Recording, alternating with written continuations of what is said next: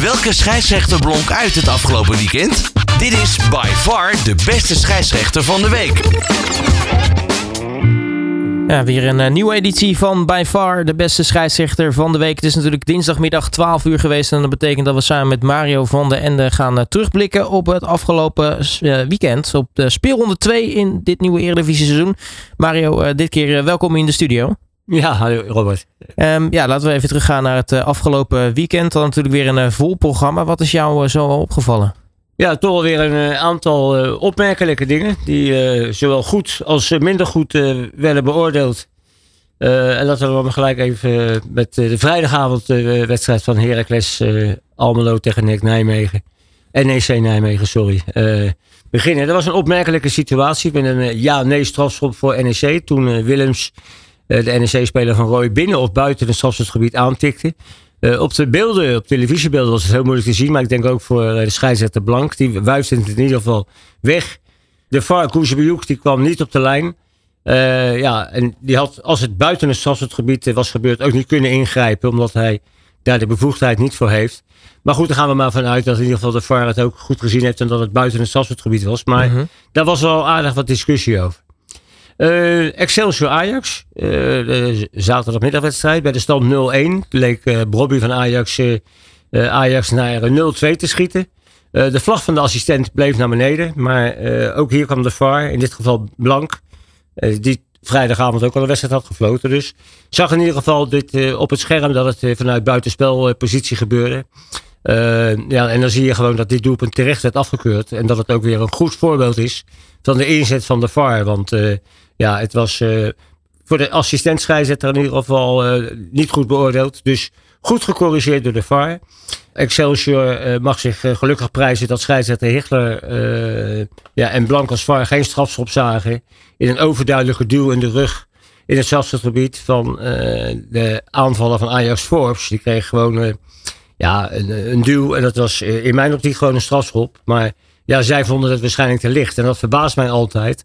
Dat uh, bijvoorbeeld ook in de commentaren je dan hoort. Ja, het was te licht voor een strafschop. Terwijl er gewoon in de spelregel staat dat een duw in de rug een overtreding is. En als die nou eenmaal in het strafschopgebied gemaakt wordt, een strafschop uh, op moet leveren. Uh, Vitesse PSV, ga ik er even mee verder. Uh, Shaibari, die van de PSV, die scoorde vlak na rust 1-1. Assistent scheidsrechter uh, Schaap die zag uh, er buitenspel in. Stak zijn vlag ook resoluut de lucht in. Mm -hmm. Maar goed, dan krijg je dus weer de vaarbeelden. Ja, en dan zie je dus in ieder geval dat uh, ja, bij elk doelpunt wordt het even nagekeken. En dan zag je in ieder geval dat ja, het vlagsignaal van, van Schaap in ieder geval te voorbarig was geweest. En dat werd gelukkig voor PSV, maar ook voor de wedstrijd. Want ik zeg altijd, het moet zo zuiver mogelijk verlopen. Ja, dat het in ieder geval werd, werd goed gekeurd. Fortuna Sittard tegen Almere City. Uh, ook hier een strafstopsituatie. Toen, uh, de namen worden ook wel steeds moeilijk hoor. Akuyobu van Almere City hens maakte. Scheidsrechter van der Laan zag het over het hoofd. De VAR, in dit geval Vos, zag er ook geen hens in. Maar ik denk dat bij acht van de tien andere scheidsrechters en VARs in ieder geval wel de bal op de stip had gelegen. Go Eagles tegen Volendam. Adekani ik hoop dat ik het goed uitspreek ook, van Go Ahead Eagles. Eh, uh, kreeg een rode kaart na een overtreding uh, op Zwicht van, uh, van Volendam. hij werd door scheidsrechter van de Graaf eerst beoordeeld de overtreding op een gele kaart. ook hier weer ja, verbaasd ben ik toch omdat de scheidsrechter een vrij zicht op de situatie had en op een vier meter afstand stond. Ja, en dan denk ik op dit niveau mogen ze dat volgens mij toch allemaal wel wat beter inschatten. De VAR, in dit geval Rob Dieperink, haalde de Van der Graaf in ieder geval naar het scherm langs de kant van het veld. Ja, en uh, toen hij het zag, uh, of in ieder geval goed zag, toen uh, kon hij niet anders dan die gele kaart in een rode veranderen. En het is inmiddels ook bekend dat de speler van Go Eagles voor deze overtreding twee wedstrijden langs de kant staat. RKC AZ daar heb ik het dan niet over het uh, geval dat uh, uh, Michiel Kramer, ja, jij begint te lachen. Ja, ik, ik vond het al, toen ik het zag, vond ik het al een hele vreemde beweging. Een vreemde champagnefles. nou ja, masturberen en dan tegelijkertijd een, een champagnefles openmaken. Dat, dat lijkt me in ieder geval een hele moeilijke, hele moeilijke bedoeling. Maar in deze wedstrijd was er ook Margaret, die kreeg een gele kaart van van de scheidsrechter. maar ja, toen dacht ik bij mezelf van, is dit geen rood? En als je dan de overtreding nog ziet die op Mijnlands werd gemaakt. ja, toen verbaasde het mij ook dat, dat Hichler, die als VAR actief was, geen actie ondernam. Dus die mag dan gelukkig zijn dat het begeel bleef. Utrecht, Herenveen was ook een situatie voor een appel voor Hens van uh, Bogniewicz van Herenveen. Die zal op de doellijn een bal tegen hebben gehouden met zijn, met zijn hand. Maar in ieder geval was die hand langs het arm. Ja, en dat is nog steeds, uh, als je hem daarop krijgt, ja. is het dus niet, ja, geen opzettelijke overtreding. Wat ik wel vond, was dat Utrecht, FC Utrecht een recht had op een strafschop. Toen een Herenveen doelman Noppert ingreep in een situatie op, op Seuntjes waar hij hem onderuit gleed. Scheidsrechter Oostrom wuifde het weg. VAR Lindhout gaf ook geen teken van leven. Ja, en het, uh, ja, ook dan kom ik toch weer eventjes, als ik dan uh, het NOS-commentaar uh, op televisie nog hoor, dat, dat Seuntjes wel erg vrijwillig valt. Ja, en dan moet ik altijd wel, wel om lachen, want omdat dit voor mij gewoon een soort lancering was. Dus dan denk ik ook wel eens van, en, en dat, dat hoor je dan ook vaak, dat ja, dan krijgt de aanvallen waarop de overtreding wordt gemaakt, die krijgt dan toch van commentatoren het, het verwijt dat ze, dat ze makkelijk vallen. Maar ja, dat, in dit geval vond ik het in ieder geval een 100% strafschop. Maar niet gegeven. Uh, Sparta Feyenoord was er nog een situatie dat Feyenoord invallen Minte uh, de 2-1 uh, binnen dacht te koppen. Arbitrage had het niet gezien. Vlag bleef naar beneden. Het fluitsignaal bleef uit. Maar ook hier kwam de VAR weer terecht op de lijn. En zag je dus door het lijnenspel wat dan getrokken wordt en wat dan ingezet wordt, dat de, die treffer in ieder geval terecht werd geannuleerd. En dan hebben we nog een situatie bij FC Twente Pek Zwolle. daar de Pek Zwolle verdediger van Hintem, ja, die schopte Brenet van FC Twente gewoon de eerste helft uit de wedstrijd. Koesbejoek gaf slechts geel. Ja, en de VAR Teube maar ja, die zat volgens mij nog in zijn Telstar Cambuur Leeuwarden modus de dag ervoor. Waar hij echt een puinhoop van maakte. En die greep ook niet in. En dat was voor mij echt onbegrijpelijk dat, ja, dat hier geen directe rode kaart, of in ieder geval in tweede instantie een rode kaart, werd getoond. En ook hier had je nog een situatie dat bijvoorbeeld uh, Oenderstal, die haalde de doorgebroken speler van, van Pek Zwolle onderuit. En ook hier hoor je dan weer dat de verslaggever zegt, ja, bij de tweede pas viel die pas. Ja, ja uh, hij had ook bij de eerste of bij de derde of bij de vierde pas kunnen vallen. Maar de ja. overtreding werd in ieder geval gemaakt. En dan verbaast het mij dus dat, uh, ja, dan verbaast het mij dus dat zo'n commentaar toch in ieder geval weer, ja, een, misschien een uh, ander, dus mensen weer op een andere gedachte kan brengen. Terwijl gewoon sect de overtreding gemaakt werd. Ja. Nou, dit waren de situaties die mij opvielen.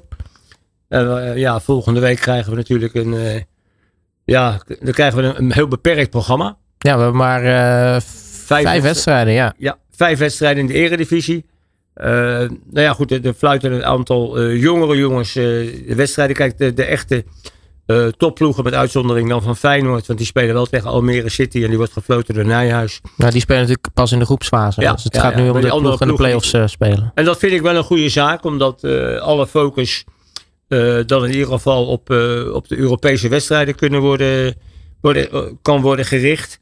En als je dan toch even de Europese wedstrijden meepakt van vanavond heb je Rangers. Die spelen dus in Glasgow tegen PSV en die wordt geleid door de Fransman Turpin. Nou, is een ervaren scheidsrechter op dit niveau.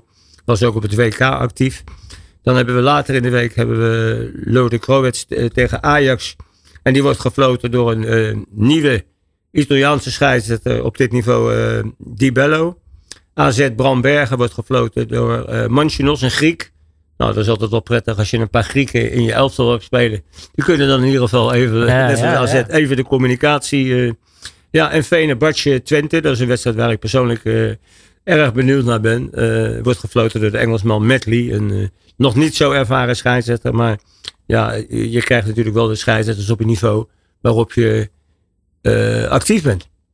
Zijn er ook nog Nederlandse scheidsrechters die nog Europa ingaan? Ik heb ze niet uh, ontdekt uh, bij de aanstellingen. Dus ik heb er wel even naar gekeken. Misschien de volgende, de return wedstrijden. Het is wel zo dat Nederlandse scheidsrechters, net zoals vorige week bijvoorbeeld een, een Dieperink en, en Hichler, die zijn dan wel actief bij scheidsrechters die uit landen een, een VAR krijgen toegewezen. Terwijl ze in het eigen land niet met een VAR gewend zijn te Nou ja. fluiten. Dan nog even kort eh, Michiel Kramer erbij pakken. Want eh, de KNVB die heeft gezegd wij gaan eh, onderzoek instellen naar eh, wat hij heeft gedaan. Kan daar überhaupt nog iets, iets uitkomen, denk je? Ja, kijk, als zij zeggen dit brengt het voetbal in diskrediet, eh, dan, dan kan daar gewoon een schorsing uit voortkomen. Of een boete, of een, ja, of een verwaar. Maar goed, maar dat is aan de terugcommissie. Maar dat vooronderzoek, dat zegt in ieder geval genoeg dat zij kansen zien om iets te doen als zij bevinden ja, dat het inderdaad een eh, obscuur gebaar is geweest. Ja, en dan kan hij gewoon geschorst worden. Dat zou kunnen. Ja. Nou, we zijn benieuwd. Dat gaat allemaal nog komen. Eh, dan nog eh, natuurlijk afsluitend. Wie is de beste scheidsrechter van het seizoen? Dat bekijken we eerst per week. Dit is by far de beste scheidsrechter van de week. Met Mario van den Ende. De cijfers, eh, Mario. Want eh, hoe zit dat voor eh, deze week? Wie zijn de beste scheidsrechters van de week? Ja, zijn de, die het hoogste cijfer haalden. Dat waren er twee. Dat was eh, Bas Nijhuis en, Danny Makkely.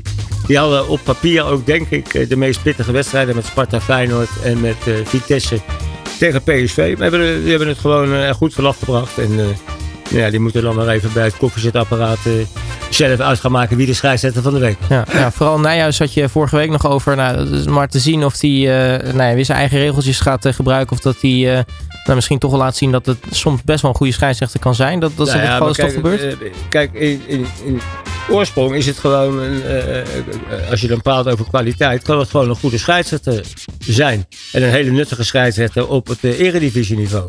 Alleen denk ik gewoon dat zijn, eh, zijn instelling eh, ja, dusdanig problemen met zich mee kan brengen. Waardoor hij de uniformiteit eh, natuurlijk, wat de uniformiteit voor het arbitra arbitragegilde Ja. ja, niet ten goede komt. En kijk, er waren nu ook wel wat, wat als je zo'n wedstrijd checkt, helemaal bekijkt, toch wel wat dingen op aan te merken. Maar voor zijn nu was het in ieder geval een zeer capabele wedstrijd. En dat zeg ik op, op, ja, je bekijkt het op eredivisieniveau. En ik zeg altijd van, eh, ja, hoe beter de arbitrage eh, daar functioneert, hoe beter het spel en de spelers zich kunnen ontwikkelen. Dus eh, als je daar een positieve bijdrage als scheidsrechter bij kan leveren, dan is het alleen maar goed. Precies. Nou, dat was hem voor eh by far de beste scheidsrechter van de week. Voor deze week. Volgende week hebben we een eh, nou, ja, iets verkorte versie, want eh, maar vijf speelrondes. Ja, maar we blijven, we blijven het goed volgen, Robert. Precies. Mario, dankjewel voor je tijd en komst naar de studio en dan spreek je volgende week weer. Graag gedaan. Dit is by far de beste scheidsrechter van de week. All Sports Radio.